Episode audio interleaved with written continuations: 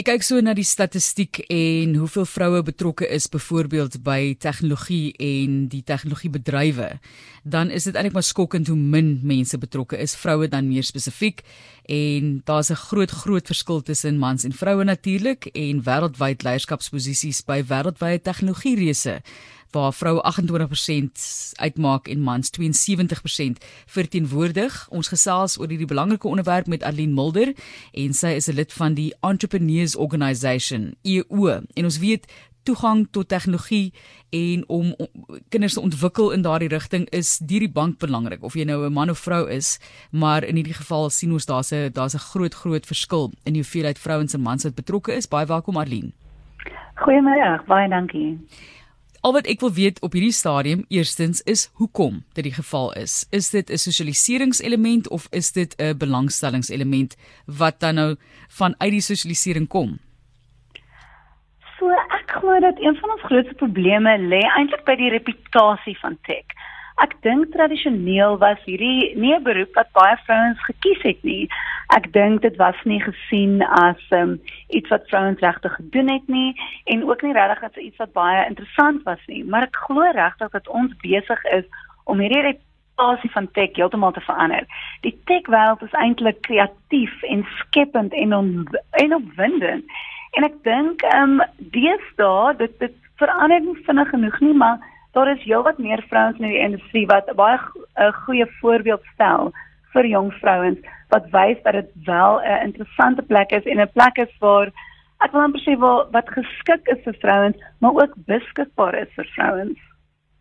Kom ons kyk gou na die statistiek as jy dit vir ons ook kan uitlê. Daai was nou 'n internasionale statistiek as ek dit nou reg het, maar as jy kyk in Suid-Afrika die verhouding tussen mans en vrouens en sogenaamde stemverwante en jy verwys dan as dit kom by STEM hoofletters wetenskap, tegnologie, mm -hmm. ingenieurswese, wiskunde, gee vir ons asseblief die blik op Suid-Afrika.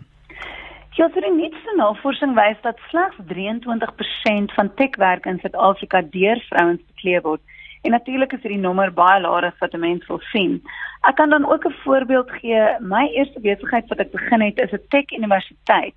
So ehm um, as ons praat van van STEM, dit is ons het 'n tech universiteit waar studente leer om rekenaarprogrammering ehm um, en coding te kan doen. So in ons eerste jaar, so 5 jaar gelede toe ons Weaving Code begin het, was daar slegs 6% vroulike studente wat opgeteken het. Ons het egter gesê ons wil nie net mense kies omdat hulle vrouens is nie. Ons wil regtig hê die vrouens moet aansoek doen. So ons het toe ehm um, programme in plek gesit, ondersteuningsprogramme. Ons het ook die storie verander om te wys ons het baie navorsing gedoen oor vrouens hou daarvan om te weet dat ehm um, tech byvoorbeeld kreatief is en vrouens hou baie keer daarvan om te weet dat wat hulle gaan doen 'n impak het. So ons het ons hele storie ook rondom dit verander en binne 5 jaar het ons van 6% na oor die 30% vroue gegaan. So basies is dit nog steeds 'n groot probleem, maar ek is opgewonde oor die verandering wat ons sien. Maar ons moet natuurlik nog baie doen. Ons het nog nie genoeg gedoen nie.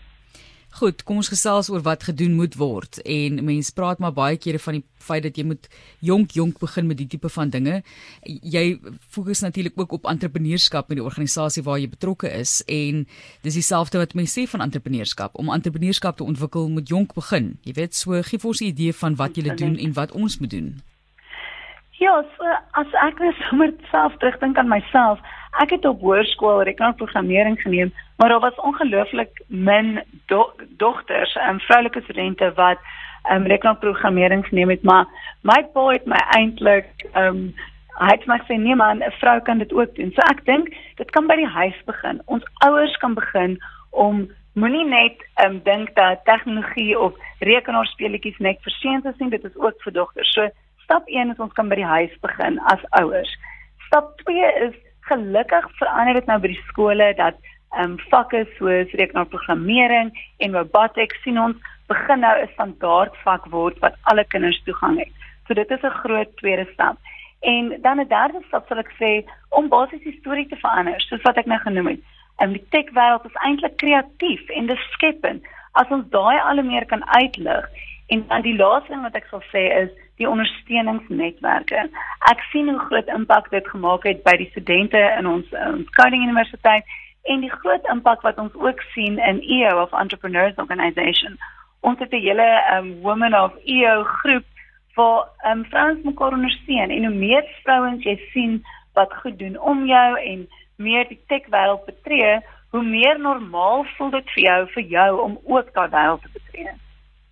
So so belangrik om daai voor, voorbeeld dan te stel eintlik. So is daar spesifieke rigtings. Ons praat nou van tegnologiebedryf is natuurlik baie baie breed. Daar's soveel loopbane wat jy daar kan volg. Is daar 'n plek waar daar meer werk is of meer behoefte is?